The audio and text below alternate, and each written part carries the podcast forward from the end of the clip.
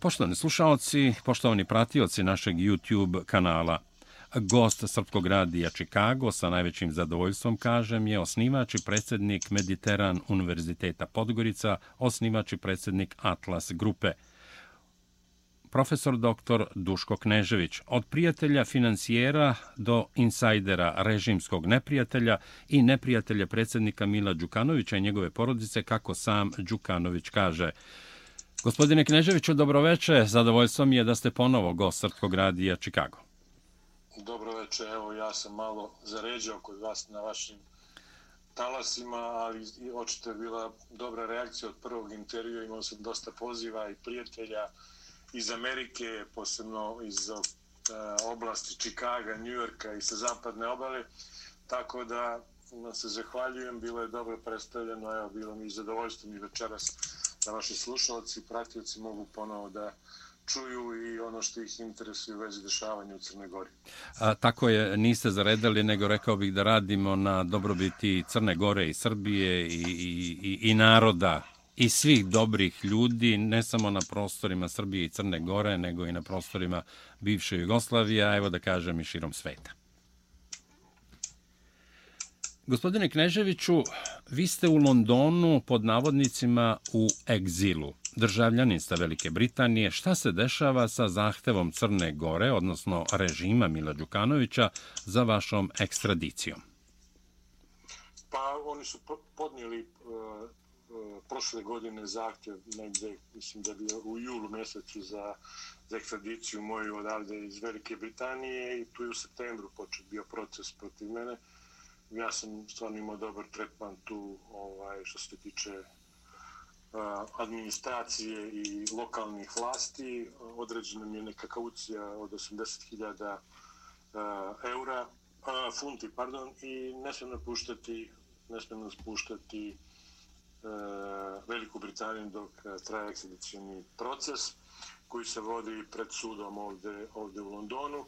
I sad su skoro naši advokati prije dve nedelje pomerili to eh, glavno ročište koje treba da bude za maj, za septembar, jer eh, neki eksperti koji su eh, vrlo važni za prostor Balkana nisu mogli da sastave izveštaj o ljudskim pravima i o političkoj situaciji u Crnoj Gori, što je jako bitno za moj proces. Oni su još pokušali a, političkim vezama da im se zabrani ovakve djelovanje, intervjue i politički, političke promocije, međutim su odgovorili da je Velika Britanija demokratska država i ne može nikome zabraniti da, da djeluje i da svoje stavove saopštava, saopštava javno.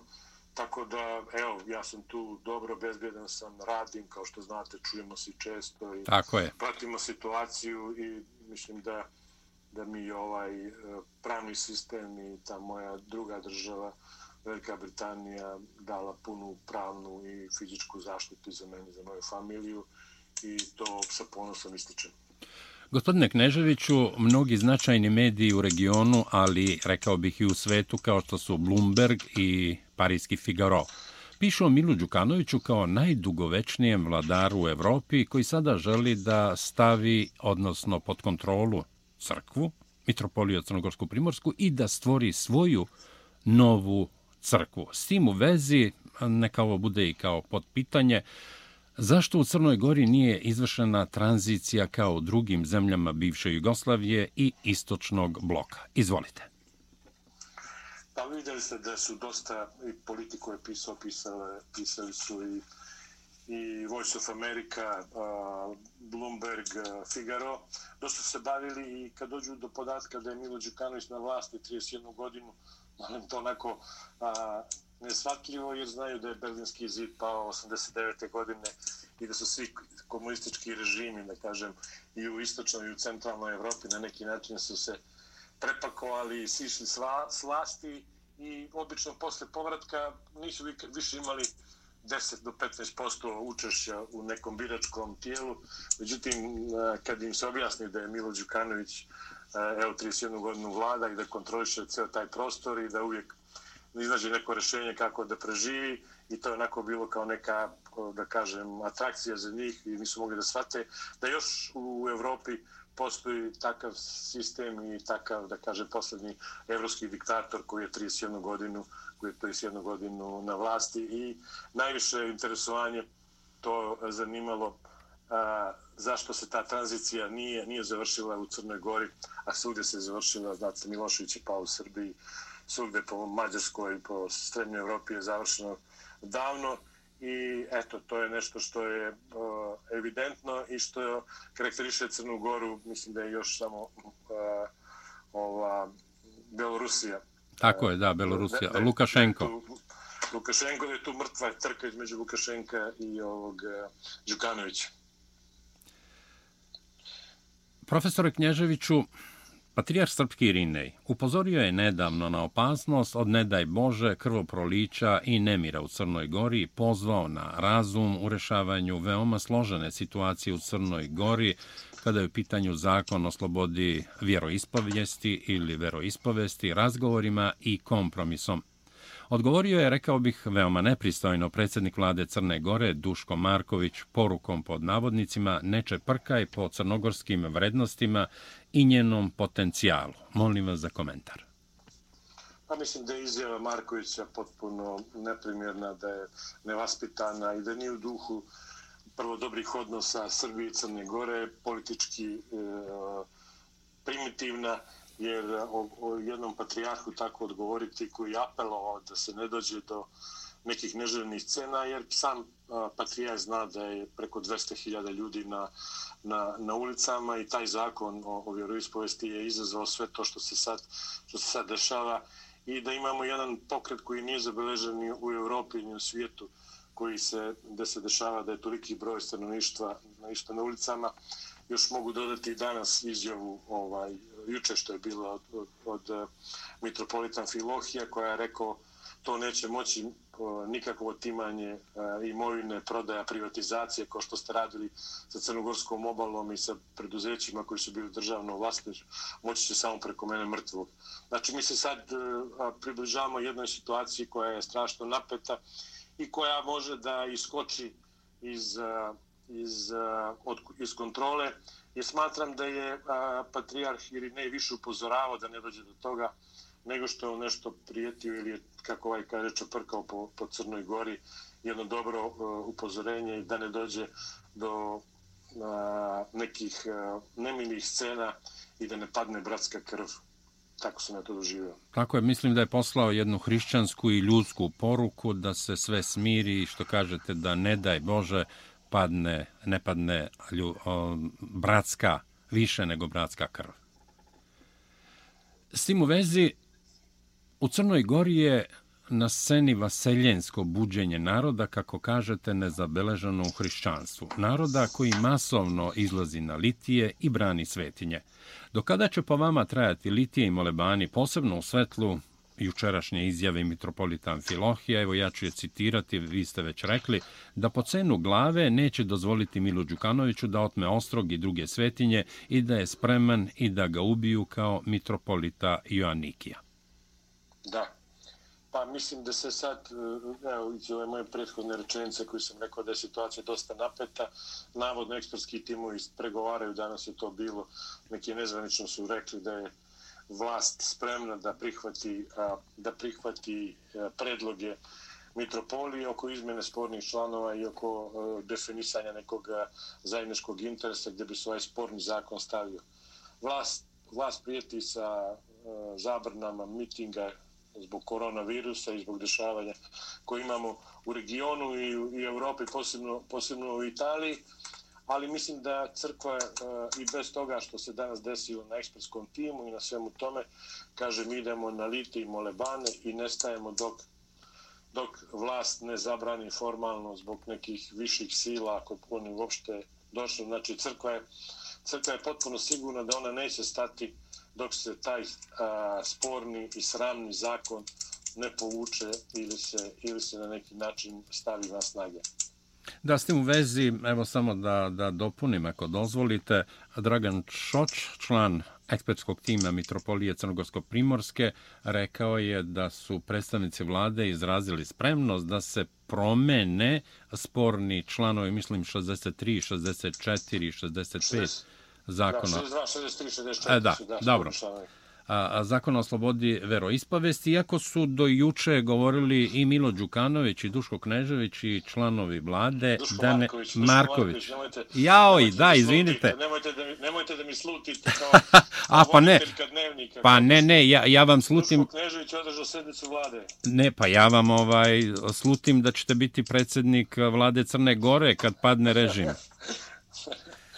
To je bila greška na lapsusu Da, naravno. Osim ja u mišljenju. Da, da, da, da. A ovaj, malo, a, malo, malo šale. za- Tako je. za Oni naše kažu da neće povući, govorili su da neće povući zakon, tako da prosto malo, malo čudno. Pa ja mislim da nije čudno da se Milo Đukanović sada nalazi pred velikim pritiskom međunarodne zajednice i svih, eh, i čak i Vatikana, a, pravoslavnih crkava i svih onih kojima je stalo do, do nekoga normalnog, jer su crkve uređene po kanonskom pravu, a ne po, partijskom programu koji Milo Đukanović je na, svojoj partijskom kongresu najavio osnivanje crkve Crnogorske. To nemam protiv, to je spoja. Svaka partija možda ima taj program, ali vi crkvu morate osnivati po kanonskom pravu. Kao kad osnovite finansijsku kompaniju, morate po regulativi koja važi u toj zemlji. Ne možete vi sad osnovati kao vi po nekom partijskom programu. Tako i crkva je uređena po kanonskom po kanonskom pravu i po tome se moraju i crkve, a, a administracija koja reguliše u okviru odnos države i onoga, to je nešto drugo. Tako da a, smatram da je da je a, da će oni i tekako popustiti. Ja sam imao tu neki stav, ja sam mislio će Milo Đukanović to da odradi preko Vrhovnog suda i da poništi to kao što je bilo sa zakonu o, o ukidanju zakona o, o, o deči dodatak za majke koji imaju preko troje djece, ne znam kako se zvao taj zakon. I kad su skidali imunitet, kad su uh, oslobađali ovog uh, Medojevića, tu su iskoristili Ustavni sud je sam donio te odluke da je neustavno bilo hapšenje Medojevića jer mu nije skinut imunitet. I onda sam mislio da će u ovom slučaju sa crkvom Milo da upotrijebi svoj Ustavni sud, da on ima neki časni izlazak, jer mislim ako pristane na ove izmene ekspertskih timova, da je to direktan politički poraz Mila Đukanovića. Tako da se slažem s vašim uh, pitanjem kako je to sad tako, a ako prihvati na ekspertskoj grupi da se, da se promijene ti sporni članovi. Da, evo samo samo ova jedna mala digresija s obzirom na na prvo isto ime Duško Duško, e, premijera Crne Gore ćemo sada samo nazivati premijer Marković, a ja zaista ne vidim razloga poznavajući vaš background i sve ono što znamo vama m, da biste vi bili izvanredan i, i sjajan premijer vlade Crne Gore u nekom ovaj a, a, novom vremenu koje će nadam se vrlo brzo nastupiti, a zašto ne i predsjednik Crne Gore. Hvala vam na tome. Hvala vam na tome. Da, ja to zaista stvarno najozbiljnije bi mi- mislim. Želja bi mi bila da, da, ovaj, da pomognem Crnoj Gori, da se ta opljačkana zemlja i da se demontira ta mafija, što mislim da mi bi bilo najveći, najveći problem ovaj, za to, jer je, vidjeli ste koliko je to, mm, koliko je Crna Gora duboko ušla u kriminal. Da, da, da, svakako. E, evo stižemo i do izbora u Tivtu. Vi ste nedavno apelovali na opozicione stranke da bojkotuju izbore u Tivtu. Demokratski front, Socijalistička narodna partija, Demos, Ujedinjena Crna Gora, Demokratska Crna Gora i Radnička partija saopštile su da će bojkotovati izbore. Socijaldemokratska partija Ranka Krivokapića odbija bojkot. Šta mislite zašto? Pa ja mislim da oni još nisu donijeli formalnu odluku, eh, jer danas sam da... Najavili su u medijima. Da, ali formalno još nisu donijeli odluku tu, tu je ovaj, e, oko toga, ali mislim da je um, Ranko je glasao za taj sramni zakon i sada pa sigurno uh, ne znam kako da izađe i sam iz toga i zagrlja Mile Đukanovića.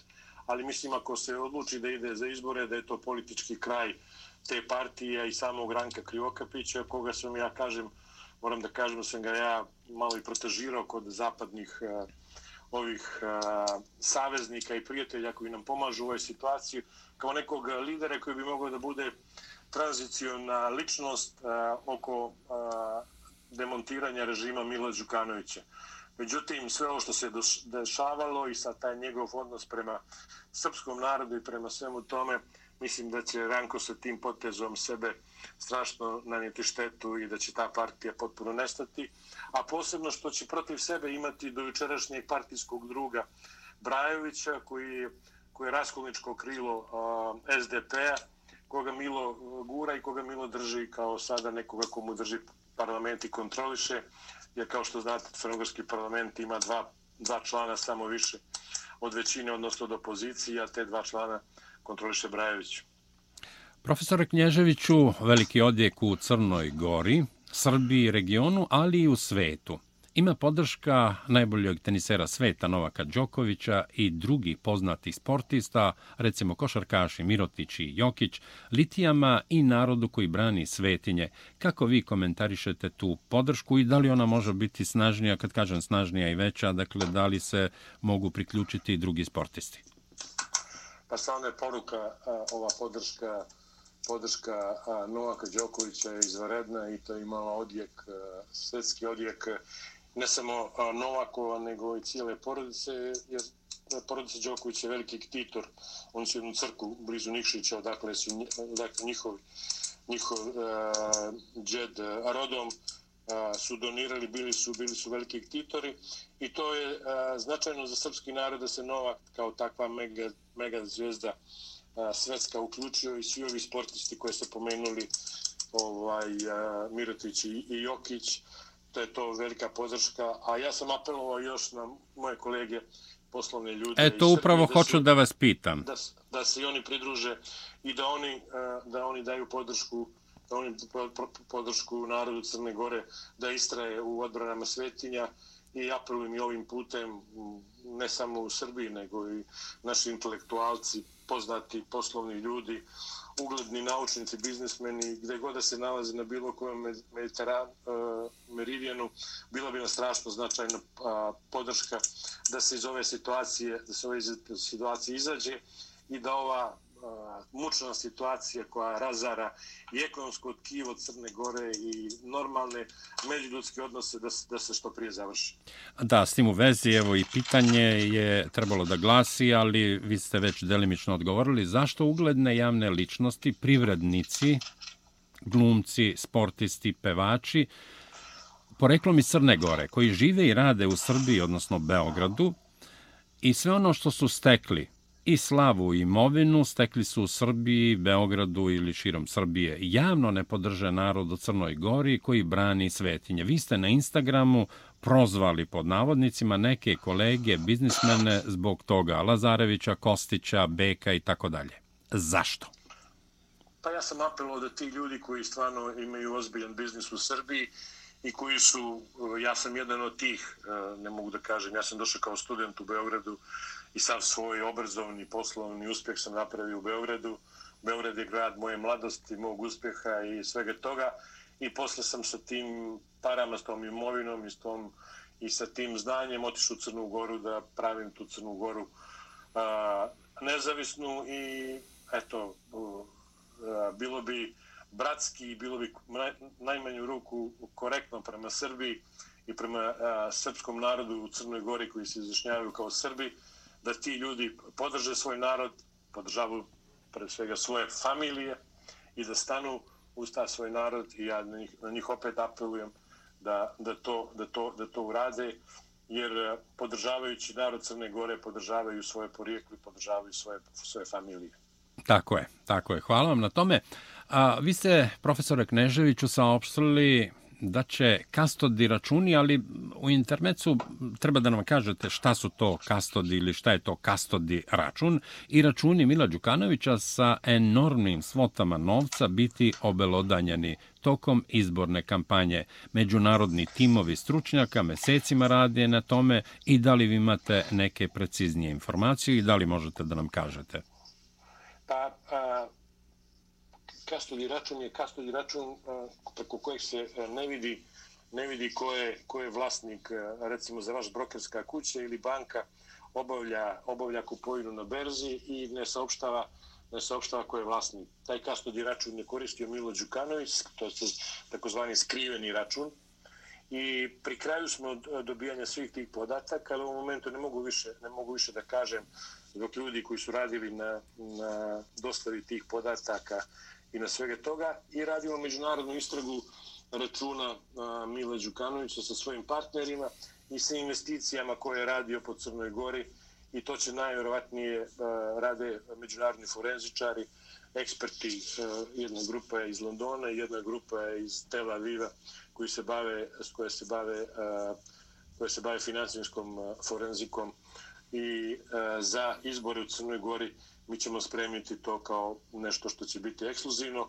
Kao što vidite, danas smo i objavili da je arhitekta koji je gradio kuću Mila Đukanovića, kako, kako je zovu ničija kuća, potvrdio da je to kuća Mila Đukanovića. Polako se krug oko Mila Đukanovića svakom danu zatvara, ljudi se oslobađaju straha i javljaju se i dostavljaju mi podatke i najbliži saradnici Mila Đukanovića i ljudi iz, iz uh, E, službe, iz e, uh, AMB-a, iz policije, Tako da očekujem da će rasplet vrlo brzo, vrlo brzo biti sa Đukanovićem, a kao i sa ovim što ste postavili pitanje. Možda neće ni trebati da računi kasto da objavljamo ako se to desi ranije. Da, gospodine Kneževiću, u jučerašnjem dugom, privatnom, jednom prijateljskom, bratskom razgovoru nekako smo ostali e, žalosni zbog onoga što se dešava u Crnoj Gori i šire, ali evo, ja ću da vam s tim u vezi i, i postavim pitanje. Dakle, svedoci smo krvavih obračuna i ubistava pod navodnicima kriminalaca mladih ljudi, zaista mladih ljudi u Crnoj Gori regionu, ali i u nekim zemljama u svetu. Mediji su prepuni napisa o zaplenama ogromnih količina droge na brodovima sa crnogorskim pomorcima. U Venecueli je zaplenjeno nedavno 5,7 tona kokaina, u Filadelfiji također. Uhapšeno je pet crnogorskih pomoraca. Juče je u Crnoj Gori uhapšeno 11 lica koja se dovode u vezu sa ovim zaplenama i švercom droge. Pored toga, u kompaniji Voli i na brodu ratne mornarice Crne Gore – zaplenjena je velika količina droge. Kako to vi, molim vas, komentarišete i kako, kakav je vaš odnos prema tome? Dakle, tužno i žalosno da gine toliko mladih ljudi. Mislim da je do, do juče 46 uglavnom mladih ljudi na pragu života izginulo u međusobnim obračunima.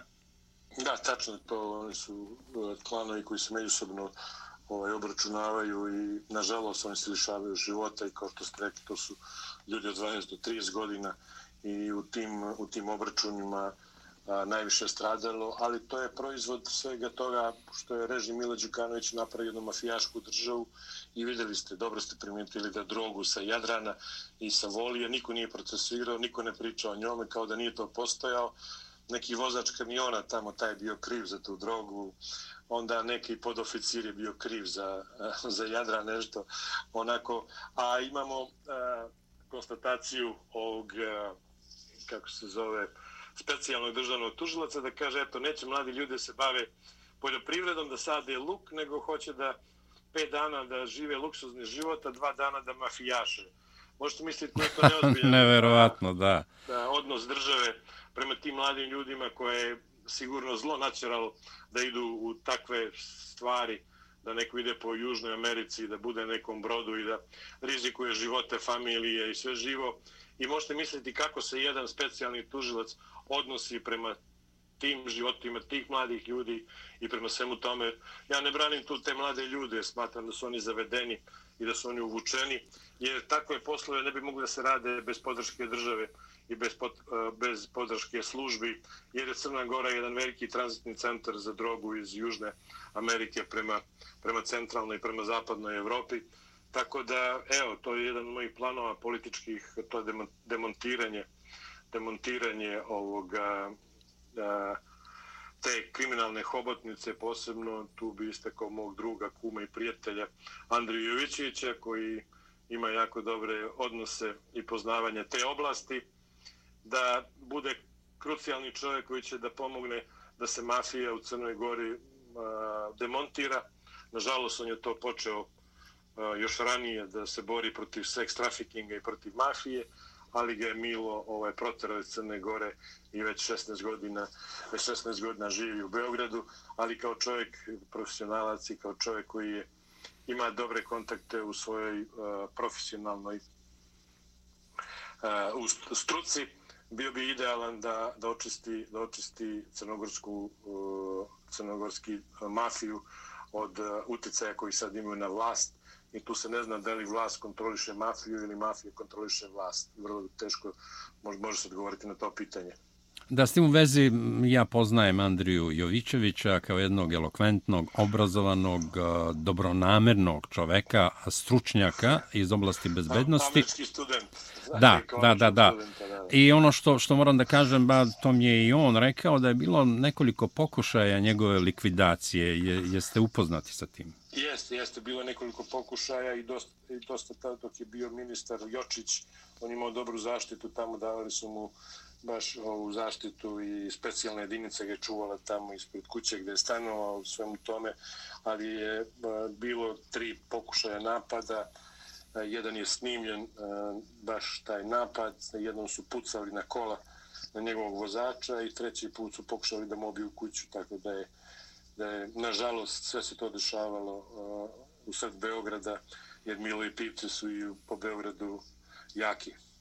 Da, i kad pominjete Dragana Jočića koji je nažalost stradao u toj saobraćajnoj nesreći, vrlo čudno. On je bio nekoliko puta gost na talasima Srpskog radija Čikago i rekao bih da smo i prijatelji s tim u vezi, želimo mu dobro zdravlje i vi i ja i ako je moguće i, i oporavak. Gospodine Kneževiću, Poručili ste u nekoliko navrata predsjedniku Crne Gore Milu Đukanoviću. Ja ću da citiram, a vi ćete komentarisati. Ako se, Milo, hitno ne povučeš, znaš šta sledi. Istekao ti je rokao konzervi iz ratnih rezervi, a juče za li stalo rekli ste sljedeće.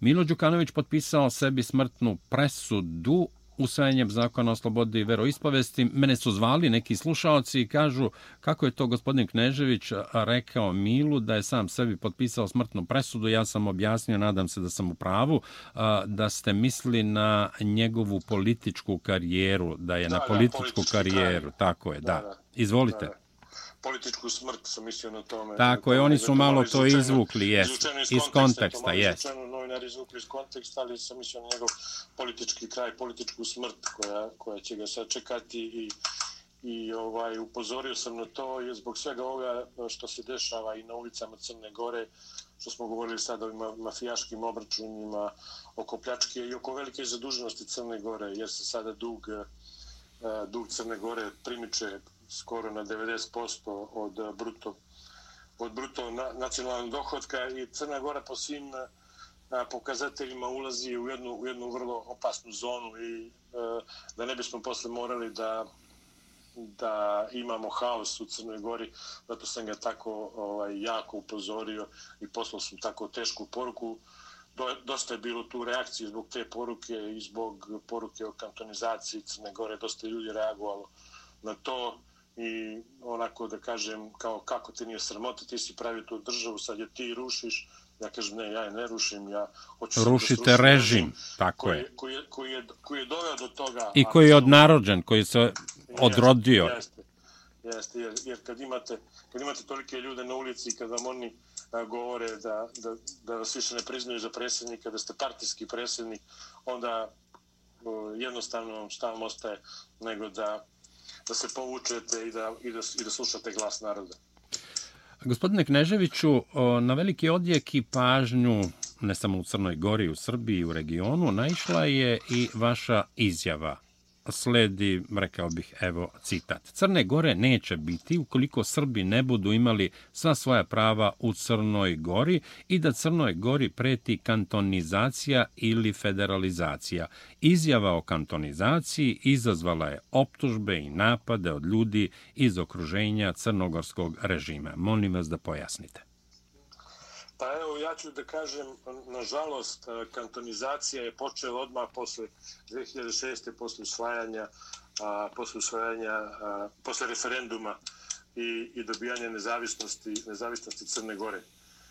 A, o, po, tu su, post, tu su politički predstavnici nacionalnih manjina koji su smatrali da imaju najviše zasluge za sticanje, za sticanje nezavisnosti. Na to mislim na Albance i mislim na muslimane. Tako smo u Rožajama imali primjer kada je ministar spoljnih posla Turske a, mislim se zove Davutoglu, da se dobro izgovori ime. Tako je, Davutoglu, jeste. Da, da se vraća posle 130 godina, misleći na Berlinski kongres, i da ih niko više neće razdvojiti. Prisutni građani su ovu izjavu podržali sa strašnim aplauzom i uzvikivanjem uz sve turske zastave, nije bila ni jedna, ni jedna crnogorska, samo da znate, ovo je Turska, ovo je Turska. A, trebali posjećati na još, na još brutalni odnos a, kada je, kada je a, opština a, opština Tuzi, a, Tuzi, Tuzi a, dobila pravo i kad su na lokalnim izborima pobjedili e, lokalne partije, gde su sve bile zastave a, a, Albanije, zastave UČK i da su svi klicali UČK i, i, i, i velikoj, velikoj Albaniji i pri tome niko nije pominjao a, a, opštinu kao a, izraz a, administrativnu e, a, opštine Tuzi, nego su svi govorili o Malesiji. A šta je Malesija? Malesija je jedna, jedna regija, jedan kanton i a, a imate primjer kad se koristi srpska zastava u Beranama za svadbu, policija zaustavlja, skida zastave, naplaćuje kazne, a, a manjine i ovi koji su navodno učestvovali u upravljanju nezavisne Crne Gore, oni imaju prava. Znači, kantonizacija je počela i ukoliko Srbi ne dobiju svoja prava, ukoliko se ne dogovore kao što su se dogovorili Albanci u Makedoniji, ja pričam sa srpskim prvacima i pričam sa svim ljudima koji su, koji su ovaj Crnoj Gori ozbiljno prijeti kantonizacija ili federalizacija i to je, to je neminovnost.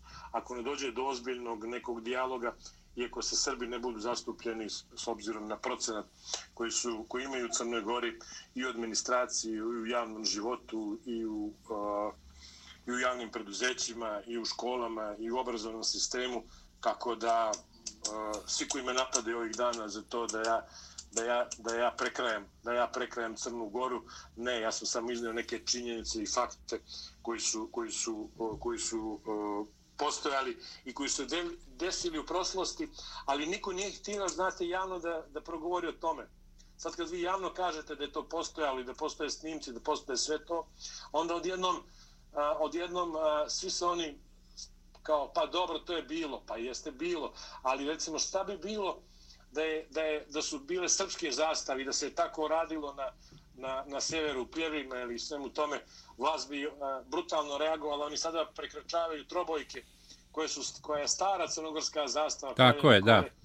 Znate, i, mislim, uh, i to strašno iritira, iritira narod. I morate da imate, morate imate sluha, za sluha za sve to, tako da Crne Gore, evo slobodno mogu da kažem, neće biti ukoliko ne bude dogovora sa srpskim narodom, jednostavno neće biti, to je neminovnost koja se ovog puta, koja se ovog puta mora završiti, mora se dovesti do kraja i ti ljudi, verujte mi, neki, neki Srbi iz Crne Gore su veći Crnogorci od mene.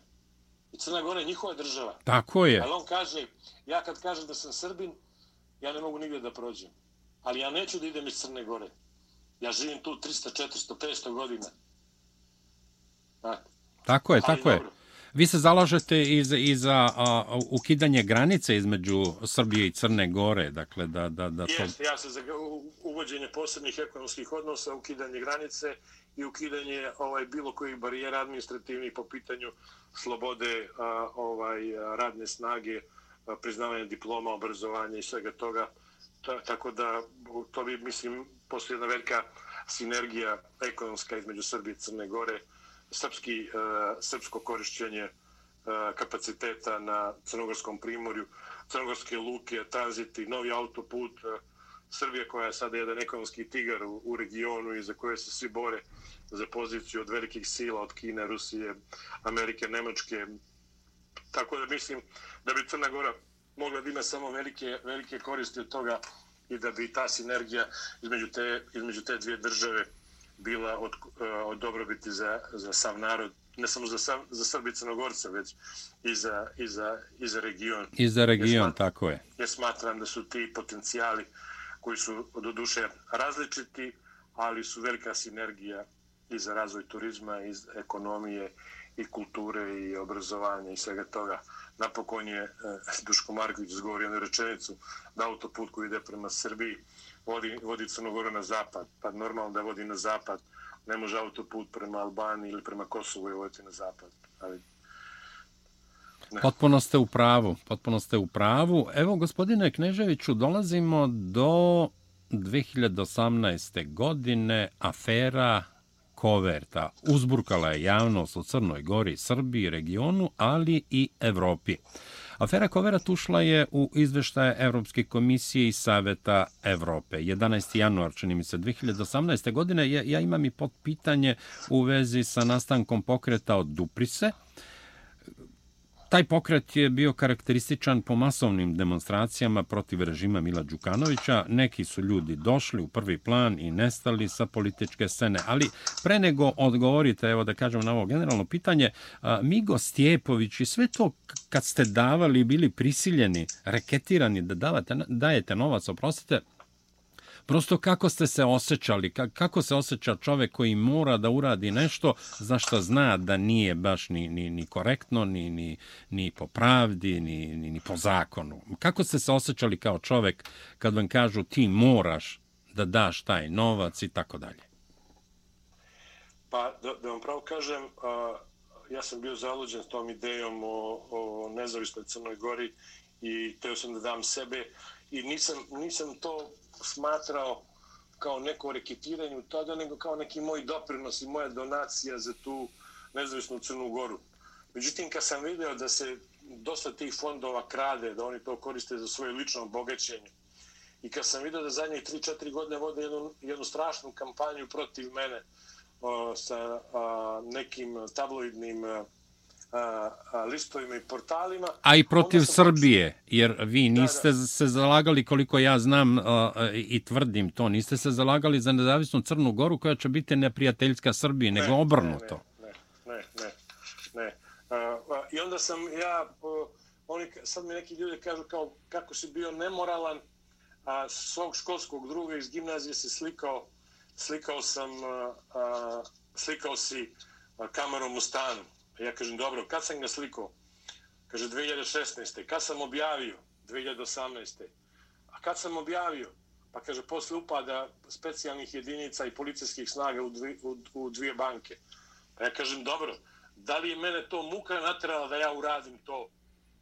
Jer ja da sam to uradio kad je Milo Đukanović imao izbore a, 2017. kad je bio e, predsjedničke, da sam pustio kovertu, Milo Đukanović ne bi bio predsjednik, je li tako? Tako je. I ja kažem, mene je muka natrala da ja počnem da snimam ljude koji me reketiraju, koji me pritiskaju, jer sam video da mi strašno šalju mi kontrole, maltretiraju mi ljude, počinju da mi a, oduzimaju poslove, a u, u, u žutoj štampi me predstavljaju na jedan loš način i ja sam to osjetio i to je kao koverta je nastala kao moj odbrbeni mehanizam za ono što je režim počeo da mi radi. A bio vam je ugroženi život i vama i porodici? Jeste.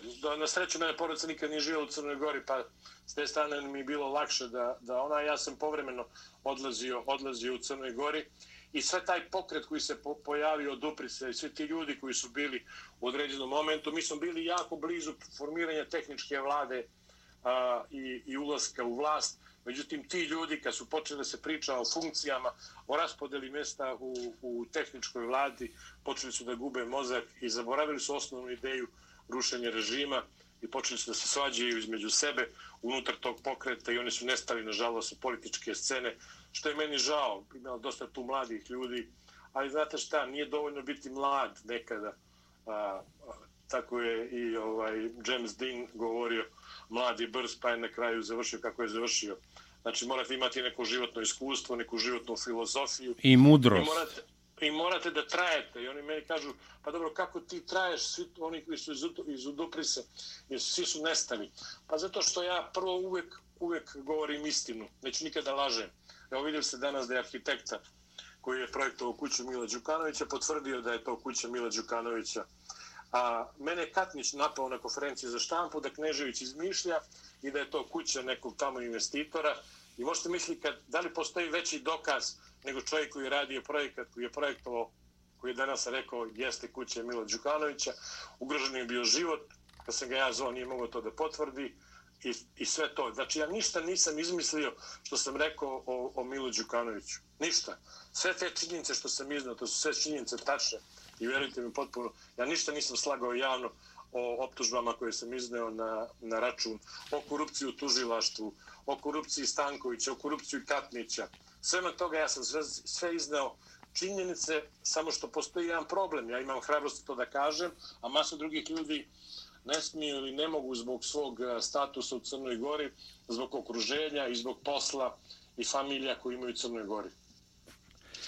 Da, gospodine Kneževiću, evo pri samom smo kraju našeg današnjeg razgovora. Pominjali smo u nekoliko navrata specijalnog državnog tužioca Milvoja Katnića, vrlo koloritnu ličnost čoveka koji zabavlja i, i, i, i daje takve nebulozne izjave da, da to zaista nije normalno i čovjek se pita a, da li on treba da ide na psihijatrijsko posmatranje ili, ili na neku rehabilitaciju. Naime, on je danas ili juče, juče mislim da vam je ponudio, dakle to je ponuda da budem precizan specijalnog državnog tužioca Milivoja Katnića da dođete u Crnu Goru i da budete na slobodi, da budete smešteni u hotelu u Podgorici jer vi imate dovoljno novaca da možete da živite u hotelu i da a, vlast, odnosno tužioci, vas kontaktiraju u vezi sa svim ovim o čemu govorite. Da li to znači da režim popušta? Da li to znači da režim pokazuje nemoć. Da li to znači da režim ima bojazan od onoga što radite i što ste uradili u protekli godinu dana, a vi ste bili za režim državni neprijatelj, bili ste kriminalac i tako dalje i tako dalje. Kako vi ovo komentarišete, odnosno ovu ponudu Milivoja Katnića? Pa oni su pokušali na sve načine, oni su mislili da mogu političkim utjecajem ili nekim lobističkim tu da mi zvuku uh, preko veze iz, iz Velike Britanije, a sad su pokušavaju nešto, ja pretpostavljam da je to nešto što je, što je Todorić napravio sa Hrvatskom, ali to je sporazum koji je Todorić napravio i Hrvatska je ozbiljna država. Oni su, Todorić je pristao na to da bude smešten u svojoj kući i da se brani sa slobode i to je dobrovoljno pristup. Međutim, ja mafijaškom režimu Mila Đukanovića ništa ne verujem, posebno što smo mi ponijeli dosta krivičnih prijava protiv istog Mila Đukanovića i protiv svih tih njegovih eh, najbližih saradnika, guvernera Centralne banke, Katnica, Stankovića. I ja bih mogao da se pojavim tamo kao svedok protiv eh, kriminala i nedjela Mila Đukanovića, ali mislim da moj odlazak eh, i da je to tačno što mi on nudi, dolaze su tu dosta Pa, mešetara koji su bili, koji su nudili razne aranžmane i razne svemu tome, jer kaže, evo, dosta sudskih odluka je u tvoju korist, eto, vidiš da sudstvo funkcioniše.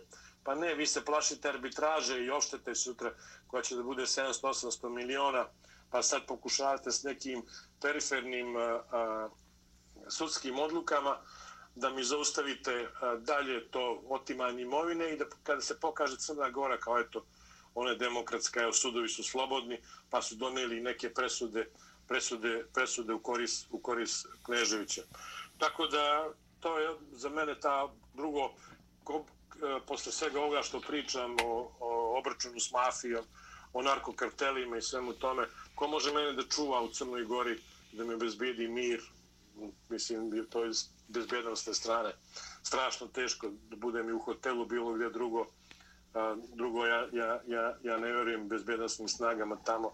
Tako da, mislim, u ovom momentu je to potpuno, potpuno a, nerealno, ali mislim da je njihov, da je njihov glavni, glavni problem da me ugase, što, mi, što kažu i moji pratioci, da me ugase, da ja ne djelujem javno, da ne prozivam režim i posle Tifta, kad su vidjeli da je da je opozicija poslušala moj savjet da ne, da ne izlazi, da su doživjeli jedan debakal i znaju da, da ću ja biti strašna potpora opoziciji u opštim izborima na, na parlamentarnim, tako da bi oni volili stvarno da se dogovore sa mnom prije nego što a, se raspišu parlamentarni izbori. Gospodine Kneževiću, evo i za kraj u svetlo ove ponude Katnićeve, kome čovek apsolutno ne može verovati ni na jednu jedinu reč. Kako se osjeća čovek? Duško Knežević, koji je lažno optužen, ocrnjen, koji je progonjen i, rekao bih, na nišanu vrlo opasnih ljudi. Živite u Londonu. Pa, na, nažalost, čovjek je kao, ajde da kažem, kao životinja, on se navikne na, na sve, pa čak i na tako ne, neku lošu situaciju i to vam postaje sastavni dio života svaki dan. E, I čovjek se adaptira i čovjek se privikne i te bezbjednostne mere i to mm, gledanje, e, procene, na svemu to, sve to što radite, posebna zaštita familija, svega toga. Međutim, e, šta, mi, šta, šta me strašno oduševljava, oduševljava me ta međunarodna podrška koja sad, posle svega toga, ljudi znaju, evo, izašto je na video ko je ko i kako se to... U početku su svi onako malo zazirali, jer, znate, kad kaže dve milijarde krijunčario, pa je uzeo, ta, na kraju se svelo to na neku korporativnu štetu da sam napravio privatnoj kompaniji, da sam vršio pritisak na menadžere da daju neke dirigovane kredite. Znate, neke, neke izmišljene stvari koje, koje ovde pravni timovi ne mogu, ne mogu da svate ovaj, recimo kod pravljenja dosija pa ih pita pa ih pita Interpol, dobro dajte nam dosije gospodine Knežića, pa nema kriminalni dosije, ali je bio praćen. Pa dobro, dajte to što je bio praćen. Oni dali evidenciju ulaske i izlaske iz zemlje po broju lične karte i po broju pasoša. Kad sam ulazio i napuštao zemlju, možete misliti koja je to a, neozbiljna, neozbiljna država i neozbiljna družina koja se, koja se bavi i koja kompromituje tako Crnu Goru u međunarodnim tim organizacijama kao što je Interpol, kao što je a, zahtev za moju ekstradikciju i a, taj Katnić koji potpuno na jedan a, kako bi, kako, koji ste izraz upotrebili ono... Koloritna ličnost. Koloritna ličnost predstavlja tako Crnu Goru. U, ipak je, tu su institucije od velikog i Interpol i, i pravosuđe i pravosuđe a, Britanije, ako znamo da je isti sudi, sudija, sudinica u stvari, sudi meni Assange, možete shvatiti koliko to ozbiljno Velika Britanija doživljava taj slučaj. Da. Gospodine Kneževiću, hvala vam što ste odvojili vaše vreme i bili gost Srpskog radija Čikago i ako imate još neku poruku za naše slušaoce, izvolite. Pa ništa, samo bih pozdravio sve i posebno želeo da se zahvalim uh, iz Amerike, svi oni koji su učestvovali u, u litijama i molebanima, svi oni koji su mi slali fotografije koji su mi slali uh, koje sam ja objavljivao iz svih gradova i svih naših uh, crkava po, po Americi. I drago mi je što je što je situacija sa crkvom u Americi sređena da nemamo opet raskolničku priču, jer mi je dosta raskola za, za ovaj život. da, pa možemo da. makar prijateljski, ljudski da, da sedimo, da uživamo. Nije važno kako se ko iz, iz, izjašnjava, ali je važno da smo braća, pa se i braća podele kuće, ali da, da imamo jedan, jednu, jednu zajedničku strategiju i barem da nas ta, ta vjera spaja. Gospodine Kneževiću, hvala vam što ste bili gost Srpskog radija Čikago i naravno do skoro objeđenja uz onu našu čokoladu, nadam se. Hvala vam. A, da. Na Chelsea. Da, da, da. I uz neku dobru kaficu. Hvala vam lepo. Poštovani slušalci, gost Srpskog radija Čikago bio je profesor dr. Duško Knežević osnivač i predsjednik Atlas Grupe, osnivač i predsjednik Mediteran Univerziteta u Podgorici.